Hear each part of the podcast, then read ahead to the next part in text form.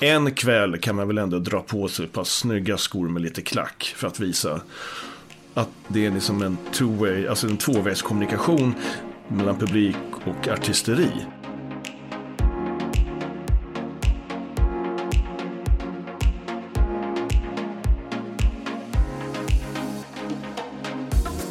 Välkommen till Inte bara kläder, en podd om klädstil och identitet där kända eller okända gäster får svara på varför de klär sig som de gör. Samtalen om tillhörighet, om att sticka ut eller smälta in, om att klä sig till ett större självförtroende eller välbefinnande eller en tydligare identitet varvas med stilråd, tips och tricks. Som lyssnare får du både underhållning och någonting användbart att testa själv där hemma i garderoben. Jag som gör podden heter Marie Tosta Linner, personlig stylist på Hotellclubs och bloggare på 50 plus mode.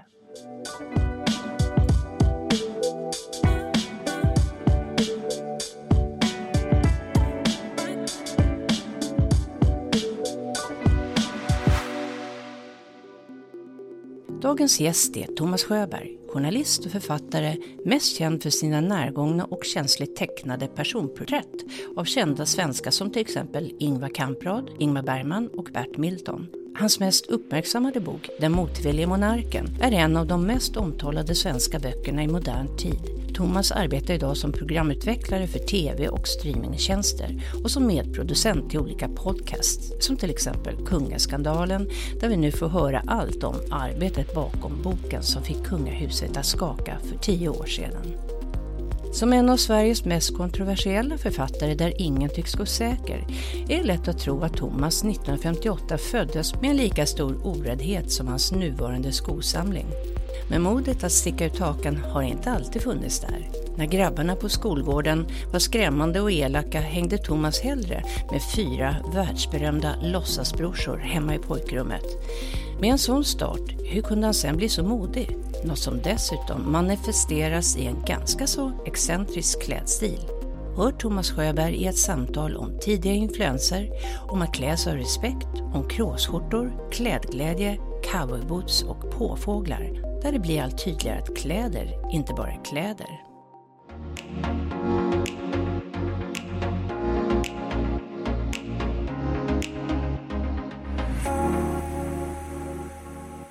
Hur är du klädd idag, Thomas Sjöberg? Kan du beskriva?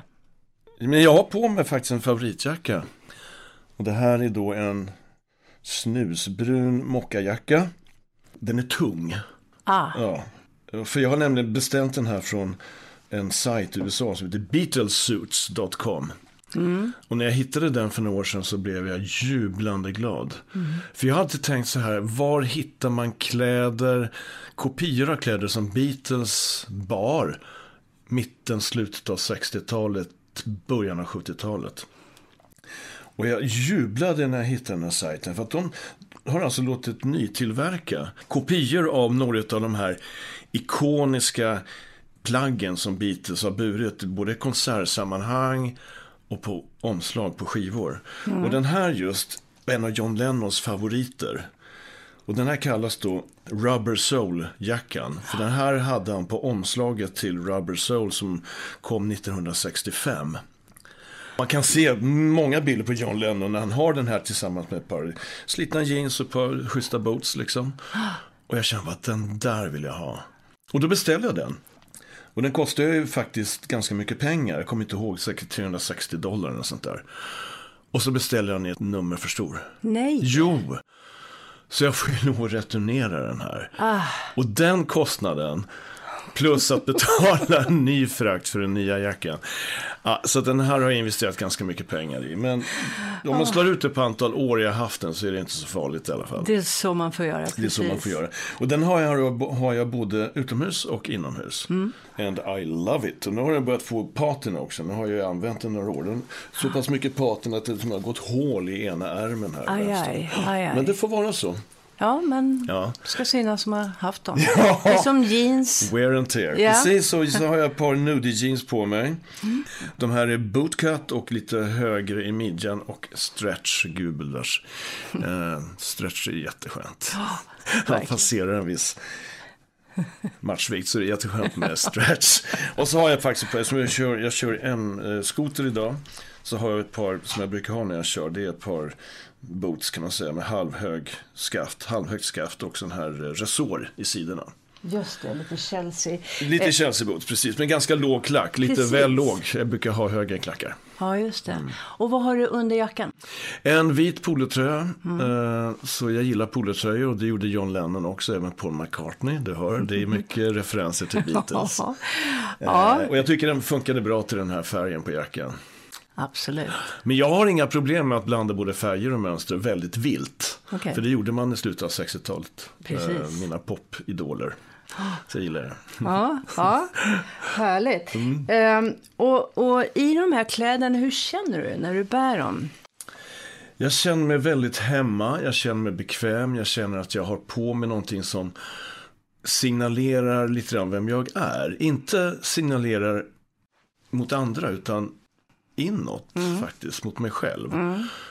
Och det skapar en trygghetskänsla för mig när jag har någonting som jag älskar och som jag vet att mina idoler hade på sig. Alltså jag var ju bara grabb när Beatles var som störst. Jag är född 58 och Beatles var ju stora hela 60, eller de blev riktigt stora 1963 och då var jag fem år. Men jag var ju en hängiven Beatles-fan redan då. Redan då? Redan då. Så att när jag bär en replika av John Lennons Rubber Soul Jacket då känner jag mig att jag är lite någon slags relation till honom. Och kontakt med rötterna kanske? Kontakt med mina rötter, definitivt. Men det här har ju dykt upp på senare år.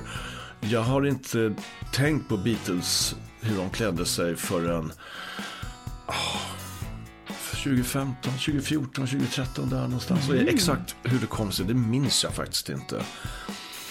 Men, och då upptäckte jag att de också har den sidan, förutom musiken. Så hade- upptäckte jag också att de var ju modeförebilder och de ju väldigt snabbt adapterade det modet som så att säga fanns där i London, Swinging London och Carnaby Street och allt vad det hette. Och att de nästan skapade en, ett, ett mode i sig, alltså en stil som många tog efter.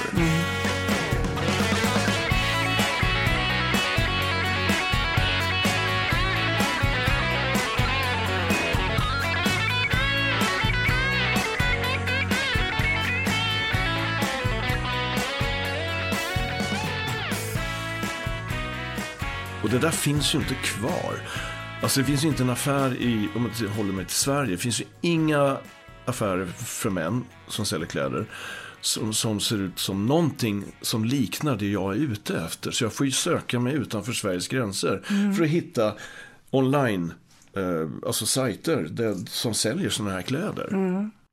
Nej, du klär ju liksom inte som en eh, genomsnittssvensk. Och, och det är så spännande att du bara, du kör, du går din väg. Ja. Ja, ja det, det har jag väl alltid gjort på ett eller annat vis tror jag. Ja, nej, men alltså det finns någon liten revolutionär i mig, eller vad ska jag säga, upprorsmakare i mig. Det är det. Ja, jag tror det. Och det genomsyrar också mitt arbete. Jag tycker om att, och jag vet inte vad det är, att någonstans stå ut i mängden. Och nu kan man ju bli väldigt filos- eller psykologisk och filosofisk och vad det egentligen beror på. Jag vet faktiskt inte. Jo, jag har mina aningar. Och det återspeglas väl också i det sättet jag klär mig. Eh, Det blir lite grann som en protest mot det uniforma, det alldagliga, det slätstrukna, det... Det blir en protest att jag klär upp mig när jag går på operan eller Dramaten. Så gör jag det verkligen. Jag eh, kan gå på operan i kråsskjorta och det passar ju väldigt bra eftersom det ofta är lite eh, påfåglar på scenen. Eh, ja, men mäns mode på 1700-talet var ju mycket roligare än mäns mode på 1900-talet, Ja, just 00-talet nu. Absolut. Där var det ju krås och det var ju stora gester och Färger. färger och mönster och enorma kragar. Så att, det där gillar jag. Så Mm. när jag går på operan så är det också en hommage till, en hyllning till operan som konstform och de som står på scenen. Ska, Mm. Jag vill hedra dem i min närvaro och då hedra dem genom att jag klär upp mig. Mm. Men jag är ju ganska ensam om det, för de flesta män i publiken är ju, de bär liksom sina vardagskläder. Och framförallt män som har kanske passerat 50 och kanske i min ålder till och med har ju oftast fotriktiga skor på sig för att det är bekvämt. Jag förstår det, men en kväll kan man väl ändå dra på sig ett par snygga skor med lite klack för att visa att det är liksom en two-way, alltså en tvåvägskommunikation mellan publik och artisteri. Mm. Och jag tror att artisterna som står på scenen, skådespelarna, om de märker att publiken också är uppklädd mm. som respekt för de som står på scenen så tror jag att det ökar kontakten och ökar glädjen att framstå där på scenen. Mm. Sitter folk liksom ser sura ut och mm. knappt klappar händerna och på sig sina liksom ekoskor. Mm. Nej, men, alltså, för mig är det här liksom, det är viktigt. Ja, ja. Det är nästan som man glömmer att det är riktiga människor på scenen. Mm. Att man tror att man sitter hemma i tv-soffan. Ja, precis. För mig är det sätt att visa respekt ja, också. Ja, mm. ja. Sen tycker jag också att det är kul att klä upp mig. För det är också ett sätt för mig att visa att nu är det lite annorlunda. Det är mm. inte jobb utan nu är det mm. fest och glamour. Mm. Och då vill jag liksom, det ska reflekteras och speglas i, i min klädsel. Mm. Och det är just stor skillnad på eh, dina jobbkläder och när du går ut. Ja, jag gör faktiskt det. Jag, alltså, även när jag jobbar så har jag ju gärna den här mockajackan på mig, eh, ett par jeans. Eh, men det är klart att jag, jag, jag klär mig gärna i mjukiskläder hemma. Men mm, jag går inte till jobbet i kråsskjorta. Det nej, gör jag inte. Nej, det förstår jag. Eh, men men, men eh, har du, vad har du hemma? Du har mjukiskläder eller har du, liksom, sätter du på dig helt vanliga kläder? Eller har du alltid lite Nej. Så speciella kläder? Nej, inte till vardag. Nej. Utan då är jag Nej. brutalt soffpotatisklädd liksom. ja. Men har vi gäster, ja. då klär jag upp mig. Då har jag gärna ett par, ett par samhällsloafers från Steve Madden till exempel på mm. fötterna. Mm. Mm. Mm. Härligt. Om man då, vi pratade om rötterna och sådär. Eh, mm. Och om man går tillbaka, om vi går tillbaka när du var barn. Mm. Har du något riktigt tidigt klädminne? Ja, jag har det. Alltså riktigt tidigt vet jag tusan. Men jag är 8 till 10 års åldern. Och jag har en bild som pappa tog. En gammal diabild på mig. Jag sitter i en fåtölj i vardagsrummet i radhuset i Strängnäs där jag är uppväxt. Och jag, ser, och jag kommer ihåg det här så tydligt, de här kläderna. Jag älskade mina skotsrutiga, lätt utsvängda brallor. Och de var i någon slags ylletyg. Så det var ju... Det var liksom en prestation att bära de byxorna en hel kväll. För det var lite kliigt och stickigt. Som jag minns det i alla fall. Och så hade jag tror jag en ljusblå polotröja. Alltså polotröjor var ju min grej. Jag hatade skjortor. Mm. Att det skulle vara öppet till halsen. Mm. Det var ju polotröjor hela tiden, under hela min uppväxt kan man säga. Mm. Vägrade bära något annat. Så det var ju alltså- också väldigt eh, stort mode med polo så att man tog väl efter också av eh, folk runt omkring. Ja, ja, ja. Mm. Polotröjan var ju mm. otroligt. Eh, det var ju varmans och jag känner mig bekväm att jag känner mig skyddad i halsen. Ja, och nu sitter vi båda med polo här ser jag. Ja, ja precis. Nej, men det finns någonting väldigt bekvämt och, ja, absolut. Och, och, och, och, tryggt med en polotröja. Den är snygg och den passar ju till allt. Kavaj som till jeansjacka som till ja, allt. Ja, man säger att med en polotröja får du omedelbar stil. Mm. Ja, det är en mm. sån här riktig stilmarkör. Mm. Ja. ja, jag älskar det. Och, men det jag det jag älskar med den här klädseln som jag har där, jag sitter och tittar på tv. Och det är så 60-tal. Och på fötterna har jag någonting som då gick under benämningen Tom Jones skor. Just det, det har du berättat. Och de är ju inte något som sådär finns i varje mans, kvinnas... Nej.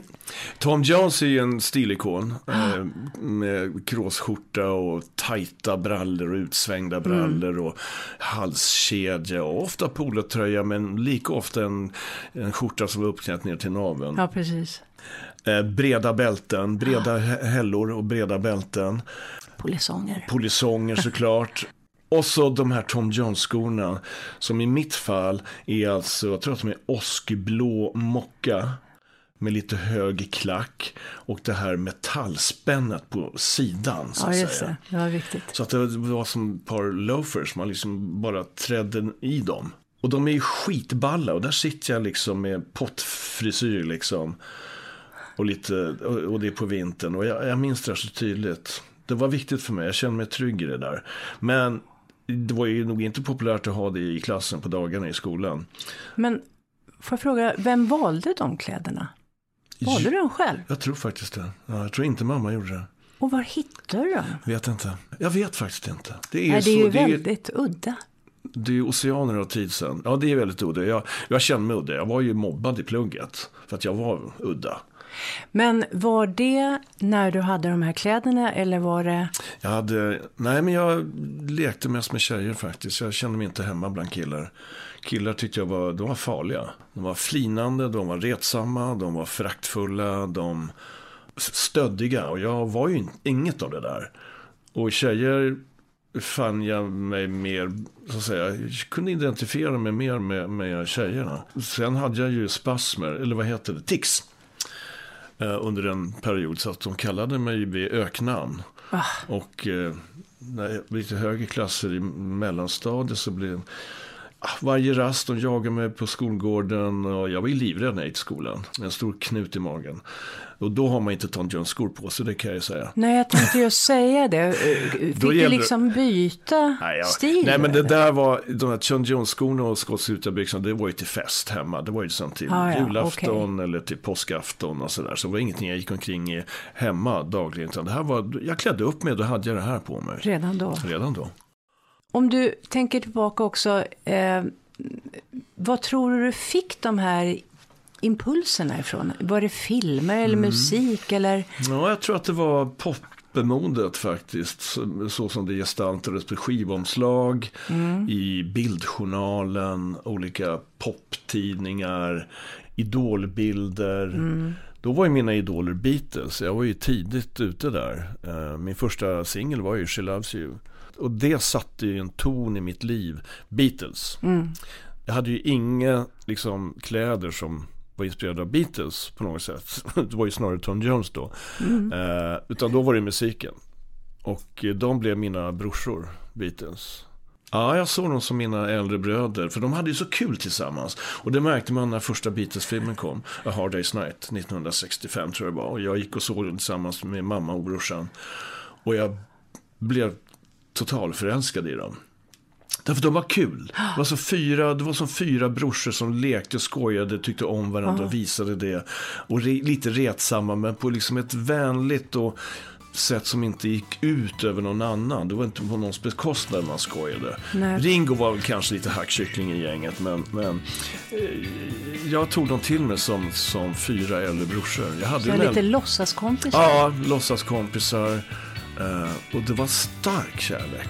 Vad häftigt. Ja, det var det. För då fick du ju ut det när de andra killarna i plugget inte var som Beatles. Då fick du liksom ändå... Jag fick, ja, det blev de jag sökte mig till i musiken och eh, bilderna. Jag tittade länge på deras frisyrer.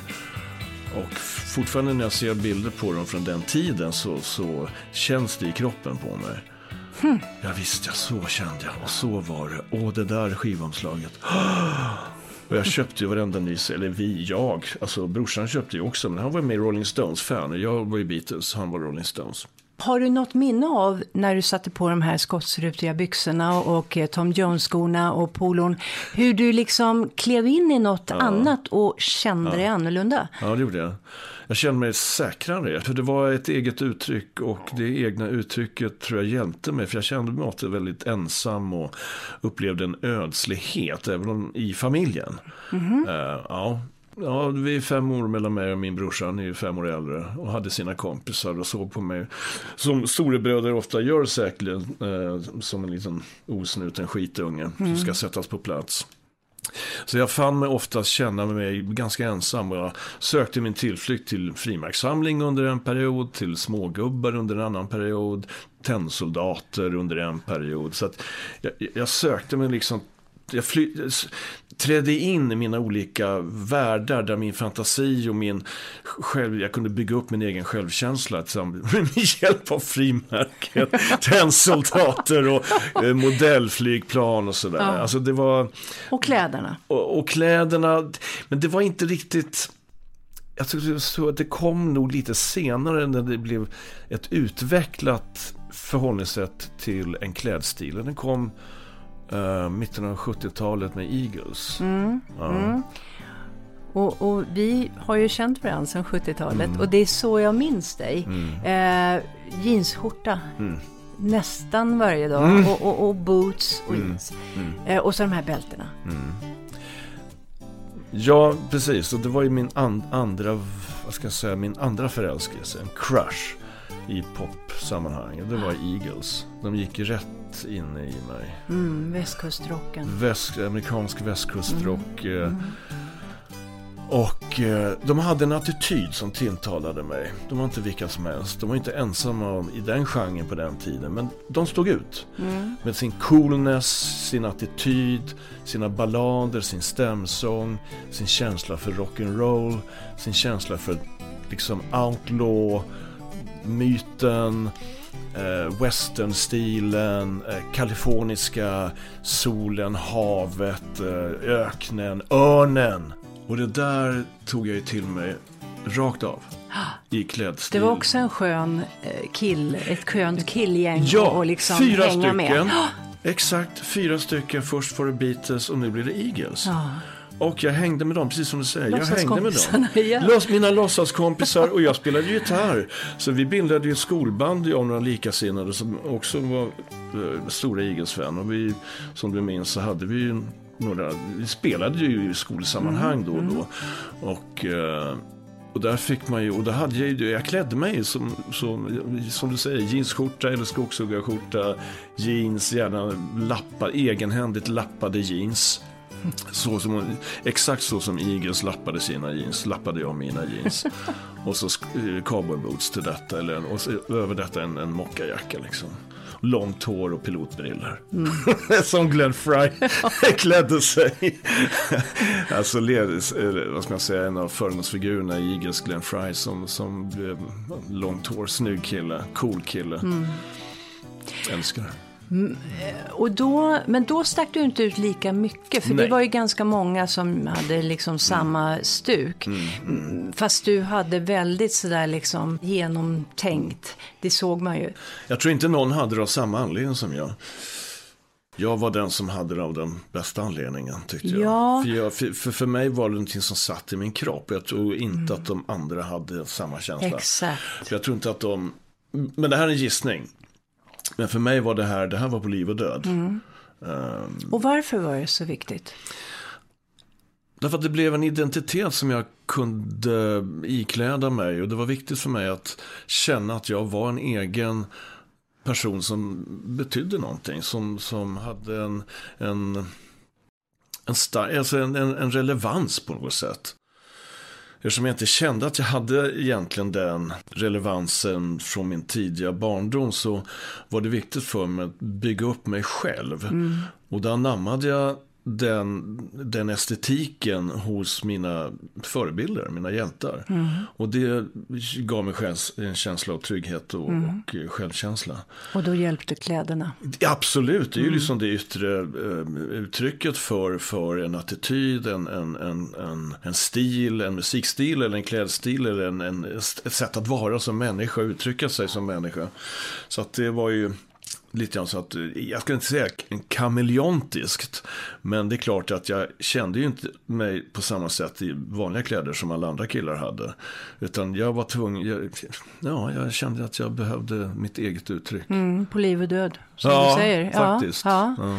Kan det vara så fortfarande, att kläderna är på liv och död? Nej, det är det faktiskt inte. För nu Nej. har jag liksom byggt upp min, min självkänsla och självsäker. Nej, inte självsäkerhet, det ska jag inte påstå. För att jag är långt ifrån självsäker. Men jag tror att jag har en ganska stark självkänsla. Och det här har hjälpt mig att bygga upp den under alla år. Mm. Så. Och sen har jag ju nått vissa framgångar i mitt yrke också. Som också har bidragit till den här självkänslan. Så kläderna på det sättet har blivit mindre på liv och död. Utan nu är det mer en, ett roligt estetiskt liksom, uttryck tror jag. Mm. Ja, det är så man tänker när man ser dig, dina kläder när du klär upp dig att det är sån otrolig klädglädje. Mm. Alltså det, du verkar ha så roligt själv mm. med kläderna. Mm, verkligen. Ja, det är underbart. ja. Och det är ju fantastiskt att, att liksom bara ta för sig av det. Mm. För, för, det finns ju för alla. Mm. Eh, men det är ju inte alla som gör det. Eh, och då blir man så glad mm. när man ser en sån mm. som du som, ja. som bara fläskar på. ja, jag gör ju det. Mer bling-bling åt mannen säger jag bara. ja, absolut. Uh, och, eh, men den stil du har nu då, eh, hur skulle du kunna beskriva den med ord? Mm. Har du några nyckelord så där, som du skulle kunna säga att så här? Ja, ja, för de som kan den referensen så skulle jag säga Brian Jones, Jimi Hendrix, Ringo Starr, George Harrison 69-70. Mm. Det är där någonstans jag hamnar. Mm. Och det är påfåglar lite grann. Framförallt Brian Jones och Jimi Hendrix. Och nu går jag utanför min sfär, Beatles. Men, mm. när det, men, men, Ringo och George hade fantastiska kläder. Mm. 69-70. Mm. Om man tittar på uh, Peter Jacksons uh, tre det är fem timmar, är de kanske sju timmar. Åtta tror jag. Åtta, dokumentären Get Back som nyligen har premiär. Där ser man ju bitarna excellera, framförallt eh, Ringo och George mm. i de här kläderna. Mm. Som jag kan, man kan köpa idag. För det finns alltså några sådana här sajter som låter sy upp. En sajt eh, skräddarsyr upp skjortor med beagle eh, kragar kallar De ser ut som bigelöron. Ja, just det, precis. Och jättestora blaffor liksom. Snyggt. Jättecoolt på Ringo Starr eh, och George Harrison med sitt mm. långa hår och Alltså det är, och de här kavajerna med sina mönster och stora slag. Ibland är de lätt insydda i sidan, ibland får de bara hänga rakt. George Harrison har en röd, lila randig samhällskavaj som bara får hänga ja, på den. Så jävla mm. snyggt. Åh. Och då, då det, det är som fest. Mm. Det är som god, det är som att kliva mm. in i en godisaffär och få mm. Det är, åh, och det är så coolt och det är så roligt att män, de här killarna verkligen klädde upp sig. Mm. Och jag inkluderar Brian Jones och Jim Hendrix i det här. De är mm. så jävla coola mm. snubbar. Mm. Åh, jag önskar att jag var vuxen då och bodde och var verksam i den tiden. För att, oh. Ja, det, det, var väldigt eh, högt i tak och också ja. eh, personligheter fick bara brut sig mm. på ett sätt som, eller man förväntar sig nästan att personligheter mm. skulle göra det, mm. alla. Mm. Mm. Eh, nu är det några få förunnat, men det var som att det fanns en hur ska man säga, det var högt i tak för mm. individualismen. Mm. Mm. Eh, hur man uttryckte mm. sig i kläder i alla fall. Ja, men vi har gått från det till någon slags kollektivism. Ja. Eh, en kille idag i 30-40-årsåldern i sin karriär, de klär sig identiskt. Mm. Det är ofta lite för små kostymer. Jag tror inte att de kan knäppa de där kavajerna egentligen, utan de får vara öppna hela tiden. Vilket blottar en, en bred motorväg av en ganska odefinierbar skjorta med en odefinierbar färg och gärna uppknäppt bara en knapp uppknäppt mm. så att det blir som en slags liten ängslig måsvinge längst upp. uh, och killar och män i näringslivet idag, jag tror det var Ericssons koncernchef, jag kommer inte ihåg vad han hette för några tiotal år sedan, som började införa slipslöst mm -hmm. i toppdirektionen i svenskt näringsliv. Att, men koncernchefer skulle visa sig bara med en skjorta och ingen slips. Hmm. Och det är så, och det, vilket leder till att alla under honom männen klär sig exakt likadant. Så ser du liksom en gruppbild på direktionen på Ericsson mm. i en årsredovisning för 10-15 år sedan så ser de exakt likadana ut allihopa. Vad tror du det beror på? Konformitet, man gör som chefen gör för att det blir väl en trygghet i en professionell situation. Komma där och ställa upp sig med en påfågelsliknande kavaj mm. och kråsskjorta mm. och spetsiga boots, då, då, tror jag man får sparken dagen därpå. Då mm. passar man inte in i det där konforma, vad ska man säga, kollektivet på något sätt. Och det, det, det, det väcker ingen förargelse. Det är det, det står inte ut. Är vi rädda för det? Förlåt? Är vi rädda för det så allmänt Ja, det tror i, jag. i samhället? Ja, jag tror framförallt män i näringslivet tror jag är rädda för att Mm. stå ut för mycket. Jag tror inte att det passar sig.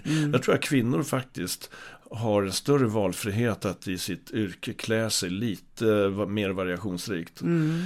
I vissa kretsar i alla I vissa kretsar så. Men om du tittar på en, en manlig chef, eh, mellanchef och uppåt så, så är de ju karbonkopior på varandra. Mm. Ehm, och unga män, om man ser på stan, de klär sig likadant. De köper Mm. samma typ av färger, samma typ av snitt på kostymer och så vidare. Och gärna ljusblåa kostymer med, med bruna skor. Det, har blivit, det blir nästan komiskt man ser fyra, fem sådana Ja. gå, på rad längs med Kungsgatan. Jag gjorde det här om dagen. Och jag drar lite grann på munnen för att de är lite rörande sätt. De törs inte stå ut. Va? Min man brukar kalla dem för fåglar. Fåglar, Fågelflockar som hör Ja. ihop liksom och hänger ihop. just det. Jag tänker, den här, det är ju en ängslighet som, Mm. som genomsyrar svenska klädmodet. Eller inte, kanske inte modet, men hur vi klär oss. Mm. Och är det gamla Jante som spökar? Eller var, var, varför är vi så ängsliga? Frågar. Inte du? Nej, nej, jag vet inte varför. Och varför är inte du ängslig? Ja, det borde jag ju vara egentligen med tanke på att jag har känt mig ganska ensam och upplevt den här ödsligheten. Men nej, Mm, jag vet inte. Nej, vi får Jag vill- inte svar. Nej, men jag tror att det, det, jag vet inte, det reflekteras kanske också i mitt arbete att jag ofta sticker ut där också. Mm. I, mina, I min journalistik. Ja, precis. Verkligen. Nej, du är ju allra minst ängslig. Mm. Tvärtom, det ganska, krävs ganska Mm. stort mod för att, att mm, ta in de domäner på, som du på gör. kungahuset tänker du på. Till ja. exempel. ja. Jo, precis. Men där känner jag mig trygg därför att jag vet att jag dels har rätt i sak.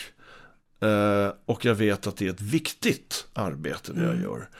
Eh, För mig, och jag tycker att det borde vara riktigt även för alla andra. Men det, det kan man ju debattera, verkligen. Men, men eh, jag känner i alla fall en inre drivkraft som talar om för mig att du är på rätt spår, du gör rätt. Och jag tror att det gäller också, det där spiller av sig på, på min, min klädstil också tror jag. att eh, Jag vet att det här är, jag, alltså, jag vet inte, det är jättesvårt att, förklara. Det är, jag bara känner mig, jag känner mig lycklig. det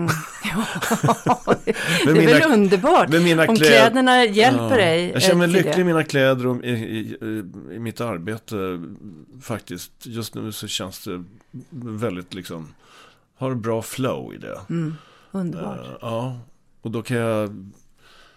Mm. Ja, men underbart. Ehm, jag tänkte, finns det något plagg i din garderob eller när du köper nytt och sådär eh, som återkommer? Att du hamnar där ofta? Mm. Det finns det ju. Eh, De här kavajerna till exempel. Jag har ju ganska många kavajer av lite annorlunda snitt. Eh, Det gör det. Och hattar kan jag säga. Hattar har blivit, eftersom jag inte har så mycket hår på huvudet så har hatten blivit nödvändig för mig att ha. Både vintertid och, och eller alla årstider. Så det återkommer jag till. Um, jeansen såklart. Bootsen, bootsen hela tiden. Mm. Cabo boots eller Chelsea boots. Gärna med lite högre klack. Har du några vanliga skor eller är alla sådär lite... Ja, vars jag har väl Speciella. ett par espadrillos som inte är särskilt märkvärdiga. Så har jag ju några lite ökenkängor-aktiga eh, har jag. Jo då, men jag har visst absolut val. Nej, jag har Inga nog- ekoskor? Nej, det har jag inte. Det... Nej, men skorna för mig är jätteviktiga. Jag har ju ganska många par som du har sett. Eh, skor. Eh, det, är, det är boots och det är ofta lite pointed toe, alltså spetsig tå. Eh, och gärna lite kubansk klack, det älskar jag. Eh, Mm, Det det, är den här som lutar inåt. 8 centimeter, 6-8 centimeter så lutar det snett inåt. Ja. Precis som det gör på cabo boots, riktiga cabo boots. Eh, så att det där återkommer jag till och kråsskjortan återkommer jag till. Kråsskjorta har jag burit i det. 20 års tid. Ja, det är... Uh, sen 98 faktiskt har jag burit kråsskjorta. Du bryr dig väldigt mycket om detaljer. Ja, det är viktigt. Ja, devils in the details. Devils in the details. Och det gäller mitt yrke såväl som i mitt klädval. Mm, de är viktiga. De är jätteviktiga. De accentuerar liksom helheten på något sätt. Förstärker den. Backar upp helheten. Man får inte slarva med Nej, det. det får man inte göra. Det måste vara kvalitet, Ja, samma precis. typ av kvalitet och omsorg om detaljerna från topp till tå. Ja, för annars, alltså om inte, om inte vare sig plaggen eller detaljerna har kvalitet så kan det ju bli lite maskerad. Ja. När, man, när man går utanför ramen. Så att det är ju något att tänka på faktiskt, att, att det krävs nästan det alltså för att det ska bli bra. Ja, och det kan ju motivera det på ett sätt också. Att du, för att det inte blir maskerad så har du kvalitet. Du har liksom en genomtänkt kvalitetsmedvetenhet. Och då är det lättare tycker jag att motivera om man nu skulle, åh, värst vad du har klätt upp dig. Eller, ja, det har jag gjort, men du ska veta hur jävla genomtänkt det är också. Att jag trivs i det här och att jag tycker fler borde göra det. Nej.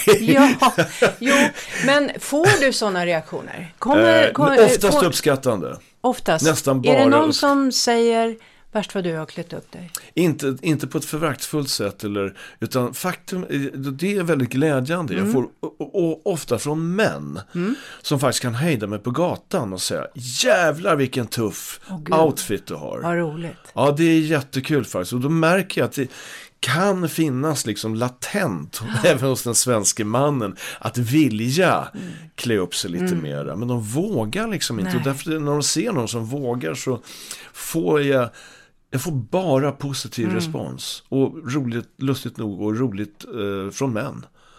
Härligt. Att kvinnor uppskattar det, det, det är inte lika förvånande. Det är lika glädjande men inte lika förvånande och överraskande. Men att män komplimenterar mig för min klädsel, det tycker jag är extra glädjande eftersom det är så överraskande. Härligt. Ja, det är det. Det uppfattar jag med din stil, Mm. att det ska vara...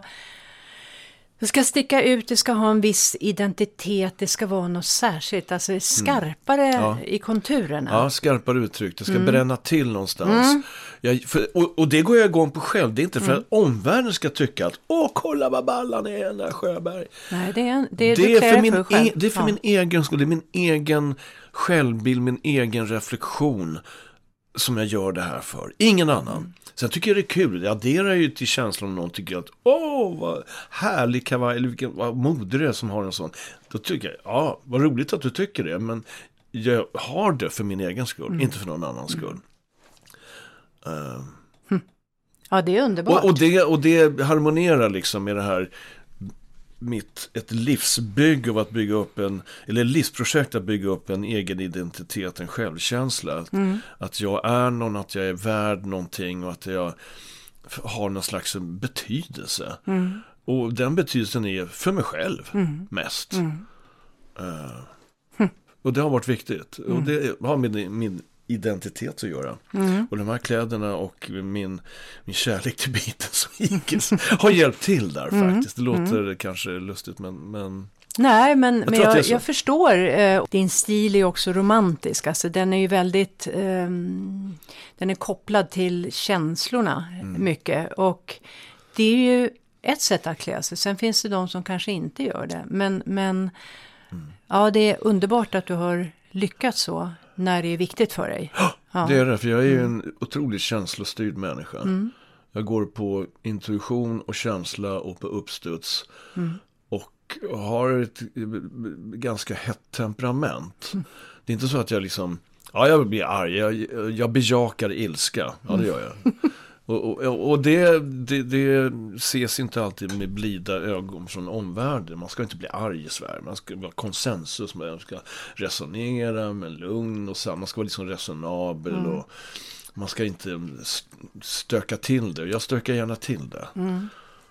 Och jag, jag, jag, jag, jag, jag har, tror jag fått det från min mamma, jag har inga tålamod helt enkelt.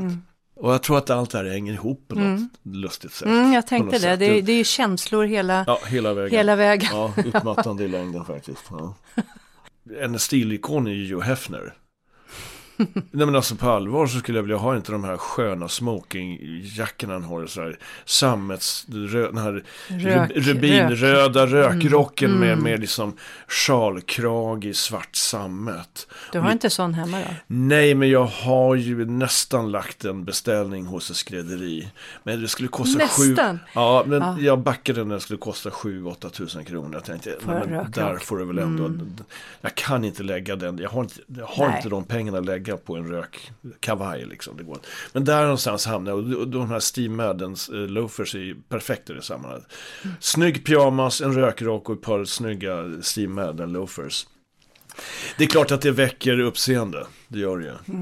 Eh, men sen är det ju så roligt eftersom jag råkar veta då att eh, även din fru Anna eh, är modeintresserad. Ni måste ju ha väldigt roligt när ni går ut och, och klär upp er för att Ja. det är ju ibland inte alltid så fallet och många gånger är det ju kvinnan som klär upp sig och mannen som kommer i någon t-shirt och jeans. Nej då, men jag ska inte vara elak. Men, Jo, men, eh, men det är ju fantastiskt roligt att ni har det ihop. Ja, det stämmer. När jag träffade Anna så hade hon ju en massiv garderob av verkligen noggrant utvalt. Hon hade till och med låtit specialdesigna stora klädgarderober för just att kunna härbärgera alla hennes kläder. Så hon var ju en påfågel också. Och när vi går ut så klär vi upp oss. Då är ni två Då är vi två. påfåglar. Då är vi två påfåglar. Ja men det är underbart för att då har ni ju, även om inte du skiter i det helt enkelt vad andra tycker, eh, och det gör förmodligen Anna också, men, men ändå är det kanske lite skönt att, att ni matchar varann. Ja, det är det. Det vore ju tråkigt om den ena inte alls brydde sig om det. Ja, Då skulle man känna sig som en påfågel i liksom relationen också. Det, det, och det, ja, nej men så, det är många par där den ena klär upp sig, Ja, ja. oftast kvinnan, och mannen gör det inte. Uh, jag kan inte fatta hur sånt håller. nej, men det är ju roligt om man det har en hennes gebit kanske? Ja, men det är roligt om man har en partner som är lika intresserad av den här som, som, som man själv är. Det är ju roligt, då får man ju också omedelbar feedback från sin partner. Och sen när ni går ut och äter, Mm. jag menar bara ni två, då blir det också lite, vad ska vi säga, sätter guldkant på, på kvällen. Nej men Ja, att det blir det. något särskilt än att man bara går precis Ja, som man brukar. ja, ja, ja, för oss är ju festlighet att gå ut och äta. Och det- jag, båda klär alltid upp oss, så är det ju. Eh, och jag tycker återigen, man, vi landar hela tiden i att det förhöjer ögonblick, förhöjer stunden att visas både varandra och sig själv och personalen på restaurangen att man uppskattar att, att eh, vara där. Och det gör, kan man göra bland annat med att man klär upp sig. Så, vad kan vi lära av Thomas och hans sätt att klä sig? Jo, priset på ett plagg blir intressant först när vi räknar på priset per användning, den så kallade PPA-faktorn. Det vill säga, ett billigt plagg kan bli dyrt och ett dyrt plagg billigt beroende på hur ofta vi använder det. Det är alltså klokt att istället för att stirra sig blind på priset göra ett sådant överslag när vi står inför ett köp. När vi klätt oss upp till fest eller middag så bidrar vi till en förhöjd stämning. Genom att anstränga sig en smula visar vi respekt, inte bara för den som anordnar festen eller middagen, utan också för oss själva och alla andra deltagare. Vill man sticka ut med sin klädsel så är det klokt att göra det med kvalitet för att undvika maskeradvibbar. Lägg också gärna ner lite extra omsorg på detaljerna så att outfiten stämmer hela vägen. Under den tid jag arbetade som personal shopper hade jag en gång en kund, en storvuxen mörkhårig man som kom klädd i en ganska intetsägande klädsel i beige från topp till tå. Jag hjälpte honom att plocka upp den mörka hårfärgen i kläderna och skapa kontrast till det mörka, vilket gav honom en mer maskulin och självsäker look. När konsultationen var slut undrade jag om det var något mer han ville veta innan vi tog farväl. Då glimrade det till i hans ögon och han stannade upp en sekund. Sen frågade han mig, vad tror du om hatt? Jag hoppas så att han började med hatt och att han forskat vidare i sina kläddrömmar. För den glädje vi kan få uppleva när vi tillåter oss själva att klä oss som vi innerst inne vill, önskar jag att alla fick vara med om.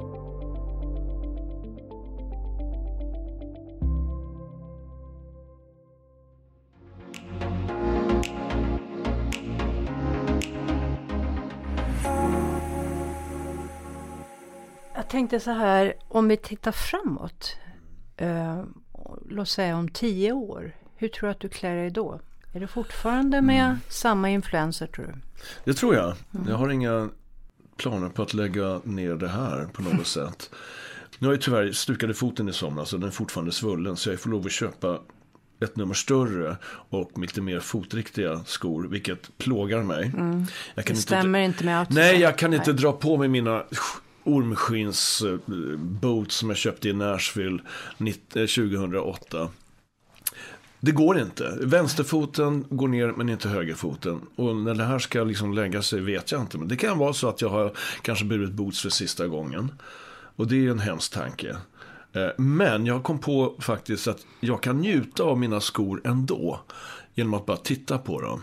Så kan jag gå i skor där jag får rum med min högerfot. Och då måste de ju vara lite bredare och lite mer tillåtande kan man mm. säga. Men jag har fortfarande, jag kan dra på mig ett par liksom Chelsea boots med, med högklack och sådär. Så att jag tror att jag kommer att bevara det här mm. tills jag drar in åren faktiskt. Mm. Uh, och jag kommer inte att tillåta mig själv att hamna i, på långvården och hasa mig fram i någon korridor. Utan cowboyboots. Utan cowboy. ja, det får väl bli ett par Steve Madden loafers möjligtvis. Men... Han dog med bootsen på. Ja, exakt. Nej, men då, då, då får jag hitta en exit på något sätt. Jag, mm. jag kan inte förlika mig med tanken på att jag ska ha sån kring med en rollator i en korridor i liksom någon slags Oh. Det får ju vara i rökrock och stimmerden. Ja, det får fan bli det mm. alltså. Rullatorn kanske jag inte klarar mig utan. Men det se ut som ah, men en snygg rökrock. Ja. Mm. Precis. Mm. det är det då bli. du skaffar den. Förmodligen. Så får det bli. Ja. Tack för att du lyssnat på Inte bara kläder. Se bilder på dagens gäst i olika outfits genom livet på poddens hemsida tellclothes.com slash inte bara klader eller på Facebook eller Instagram at inte bara klader.